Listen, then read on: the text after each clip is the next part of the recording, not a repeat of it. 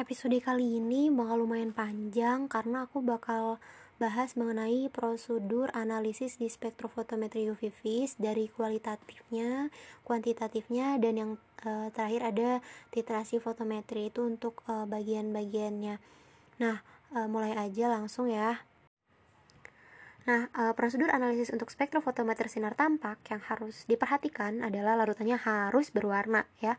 Namanya juga sinar tampak gitu. Jadi dia harus bisa diukur pada panjang gelombang 380 sampai 800 nanometer. Nah, syaratnya itu harus berwarna kan. Kalau sinar UV kan nggak masalah mau berwarna atau tidak karena panjang gelombangnya lebih kecil. Dia nggak perlu berwarna untuk bisa melakukan pengukuran. Nah, gimana kalau misalnya analitnya nggak berwarna gitu? Kalau nggak berwarna ya harus diubah dulu jadi senyawa yang berwarna. Nah, diubahnya dengan beberapa reaksi. Reaksinya itu bisa redox, contohnya untuk Mn, dan reaksi pembentukan senyawa kompleks. Untuk contohnya nih, misalnya eh, ada Fe2+. Nah, Fe2+ ini kan gak berwarna. Tapi kalau misalnya dia direaksiin sama ligan, contohnya fenantrolin, dia itu bakal membentuk uh, ligan Fe fenantrolin yang warnanya itu merah oranye gitu. Nah, ini tuh yang bisa diukur dengan spektrofotometer sinar tampak. Nah, contoh lainnya ada PB ditizon, terus Fe tiosianat yang warna merah. Nah, baru deh kalau udah bentuk kompleks-kompleks kayak gini biasanya dia berwarna. Nah, senyawa yang menghasilkan warna merah yang si Fe fenantrolin ini kan ionnya itu adalah Fe2+. Nah, kalau misalnya dia Fe3+, dia nggak bisa ngasilin warna merah. Jadi kalau misalnya kita sampelnya ada Fe3+, kita harus tambahin reduktor dulu supaya dia jadi Fe2+, lalu kita reaksiin dengan fenantrolin supaya dia menghasilkan warna merah yang bisa diukur dengan spektrofotometer sinar tampak. Nah, kalau misalnya udah berubah, baru kita bisa ukur konsentrasi Fe3+. Nah, untuk e, membentukkan kompleks ini kadangkala ada beberapa ligan yang dia itu bisa bereaksi dengan beberapa logam gitu. Jadi kayak misalnya kita melakukan titrasi Ca dengan EDTA gitu. EDTA ini juga bisa hmm, berikatan dengan Mg gitu, membentuk kompleks. Nah, walaupun ligannya bisa bereaksi dengan beberapa ion logam, kita tuh tetap bisa ngatur pH-nya supaya ligan itu cuma bisa bereaksi dengan satu ion aja yang kita pengenin. Kita mau dia bereaksi dengan apa. Nah, ini ada beberapa hal yang harus diperhatikan ketika kita melakukan analisis prosedur kualitatif terhadap spe, uh, spektrofotometri UV vis. Nah, yang uh, ada lima ya. Yang pertama itu kita harus menggunakan reaksi kimia yang spesifik untuk menghasilkan senyawa berwarna. Jadi misalnya kita e, menggunakan ligan tertentu aja, jadi warnanya cukup satu aja kayak gitu. Jadi selektivitas biasanya kalau selektivitas ligan untuk membentuk kompleks itu cukup baik ya. Dia hanya bereaksi dengan logam-logam tertentu. Bahkan e, jarang banget sifat e, ligan yang e, sifatnya itu nggak spesifik itu. Kemudian kestabilan warna yang dihasilin itu harus baik. Nah, supaya pengukurannya itu akurat. Terus yang ketiga, senyawa atau spesinya itu yang terukur tuh harus memiliki absorptivitas yang besar agar diperoleh sensitivitas yang baik. Nah, Contohnya nih yang kayak misalnya FeCl3. Nah, itu kan Fe3+. Dia itu kalau dalam air dia menghasilkan uh, larutan berwarna kuning. Nah, tapi kalau diukur absorbansinya tuh kecil jadi epsilonnya tuh kecil gitu. Jadi dia tuh kurang baik untuk pengukuran. Makanya dia harus diubah ke dalam bentuk kompleks supaya diperoleh absorptivitas yang besar. Kemudian pengukurannya itu harus dilakukan pada panjang gelombang maksimum yang keempat.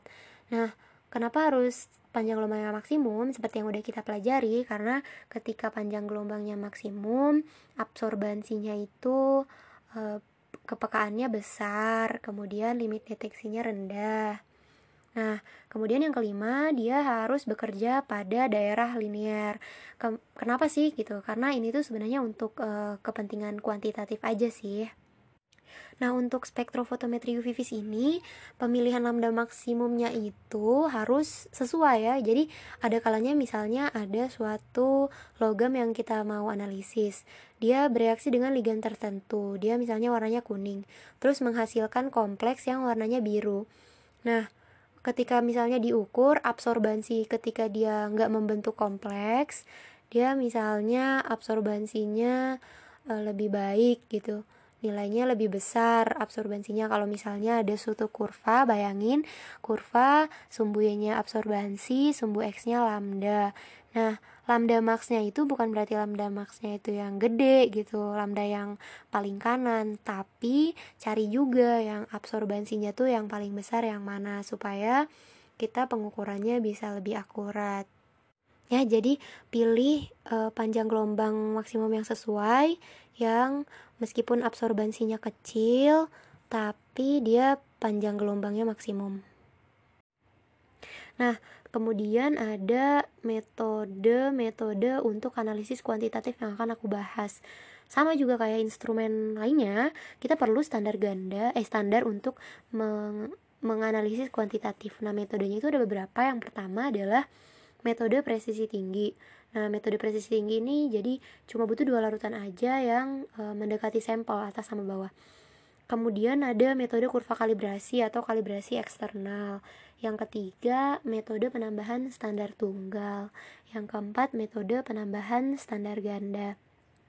Nah, yang bakal aku bahas lebih rinci adalah metode penambahan standar ganda. Nah, metode penambahan standar ganda ini digunakan untuk analit dengan matriks yang kompleks atau rumit kayak darah, sedimen, serum. Maksudnya kompleks atau rumit itu jadi kayak banyak pengganggunya gitu, matriksnya banyak. Nah, caranya gimana sih? Yang pertama, kita buat sederetan aliquot sampel sebanyak VS. Kemudian hmm, diencerkan. Oh ya, bedanya AS dengan spektro UV, kalau misalnya AS itu volumenya kan sama, tapi yang beda konsentrasi. Kalau di spektro UV, volumenya beda, konsentrasi larutan standarnya sama. Nah, nanti si analitnya ini diencerkan dengan volume tertentu. Kemudian e, di metode penambahan standar ganda dari sampelnya yang udah kita encerin beberapa sebanyak VS tadi e, diukur absorbansi semua larutan dan dibuatkan kurva kalibrasi untuk menentukan konsentrasi sampel. Nah, kurva kalibrasi setelah melakukan pengukuran itu sumbu X-nya adalah volume. Kemudian e, pada metode penambahan standar ganda kalau e, kan yang diplot absorbansi terhadap volume, sumbu X-nya volume. Nah, kemudian e, konsentrasinya itu adalah slope-nya atau si gradiennya. Nah, jadi kan e, kalau misalnya dari persamaan-persamaan yang udah kita gunain nanti e, slope atau konsentrasi sama dengan K kali V3C per V1 ditambah K Vx kali Cx. Nah, S itu sinyal dari instrumen atau respon. K itu konstanta proportionality. Kalau Vx adalah volume Vs adalah volume standar, Cs konsentrasi standar, Vx volume dari sampel aliquot, Cx konsentrasi dari sampel dan Vx eh, V total VE, Vt volume total dari uh, sampel yang uh, terlarut. Jadi ingat ya rumusnya S sama dengan K kali volume sampel C sampel dibagi V total ditambah dengan K kali V standar C standar dibagi volume total. Nah, dari situ kita bisa mendapatkan konsentrasi dari sampel. Jadi CX sama dengan B kali CS per M kali VX. Jadi B kali konsentrasi sampel dibagi M atau gradien kali V sampel. Nah, aplikasi dari spektrofotometri yang lain yang akan aku jelasin, titrasi fotometri. Nah, hmm, kalau titrasi fotometri ini kayak titrasi, tapi eh, ada salah satu misalnya antara analit, titran atau produk yang bisa menyerap sinar. Nah, untuk mengamati titik akhir titrasinya itu digunakan suatu spektrometer yang pengamatannya dilakukan pada panjang gelombang tertentu dan absorbansinya itu dari campuran. Nah, yang tadi kayak aku bilang, dia itu bisa analitnya, bisa titrannya, atau bisa produknya yang bisa menyerap sinar. titik akhirnya itu ditentukan dari kurva titrasi yang diperoleh antara nilai absorbansi terhadap volume titran yang ditambahin beberapa keunggulannya kalau misalnya di titrasi visual dia kan harus ditambahin indikator tuh.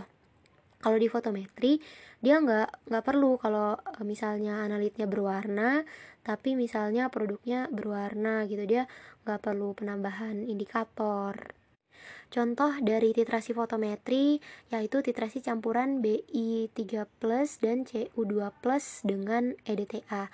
Nah, KF atau tetapan formasi kesetimbangan dari BI EDTA itu nilainya itu lebih besar daripada KF CU EDTA. Nah, kalau misalnya tetapan formasinya besar, berarti dia itu cenderung bentuk kompleks, kan? Kan kita udah tahu kalau kompleks itu dia berwarna ya. Jadi makanya dia lebih suka suka menyerap e, sinar spek dari spektrofotometer. Nah, kemudian berarti kalau misalnya KFBI EDTA lebih besar daripada CW EDTA, maka epsilonnya atau absorptivitas molarnya itu e, lebih besar CU EDTA dibandingkan BI EDTA karena BI EDTA kan terbentuk lebih dahulu jadi BI 3 plusnya habis kemudian baru terbentuk kompleks CU EDTA. Jadi setelah BI-nya habis baru CU EDTA-nya kebentuk. Pada panjang gelombang tertentu, pengukuran BI EDTA yang tidak berwarna ya, dan CU EDTA itu berwarna. Jadi kalau misalnya kita punya campuran BI dan CU dititrasi dengan EDTA yang bereaksi kan EBI dulu. Terus CU-nya bereaksi begitu BI udah habis. Nah, e, ketika BI udah habis, berarti itulah e, ketika absorbansinya diukur. Karena BI nggak berwarna kan ya, nanti absorb absorbansinya nol gitu. Jadi kurvanya garis lurus karena dia nggak menyerap. Kemudian e, ketika terbentuk CU, absorbansinya mulai menyerap sinar. Nah, itu udah titik akhir CU gitu volume yang digunakan untuk menitrasi CU dari setelah BU hingga CU awal itu bisa ditentukan. Nah kayak gitu. Jadi kemudian yang pertama kurvanya itu bakal dari garis lurus di bawah banget karena BI nggak berwarna kemudian naik karena dia mulai membentuk CU yang berwarna CU EDTA kemudian lurus lagi ketika semua sudah menyerap sinar si CU EDTA telah berbentuk seluruhnya. Nah ada beberapa jenis uh, reaksi titrasi fotometri kurva-kurvanya ini antara misalnya ada analit ditambah titran menjadi produk ya.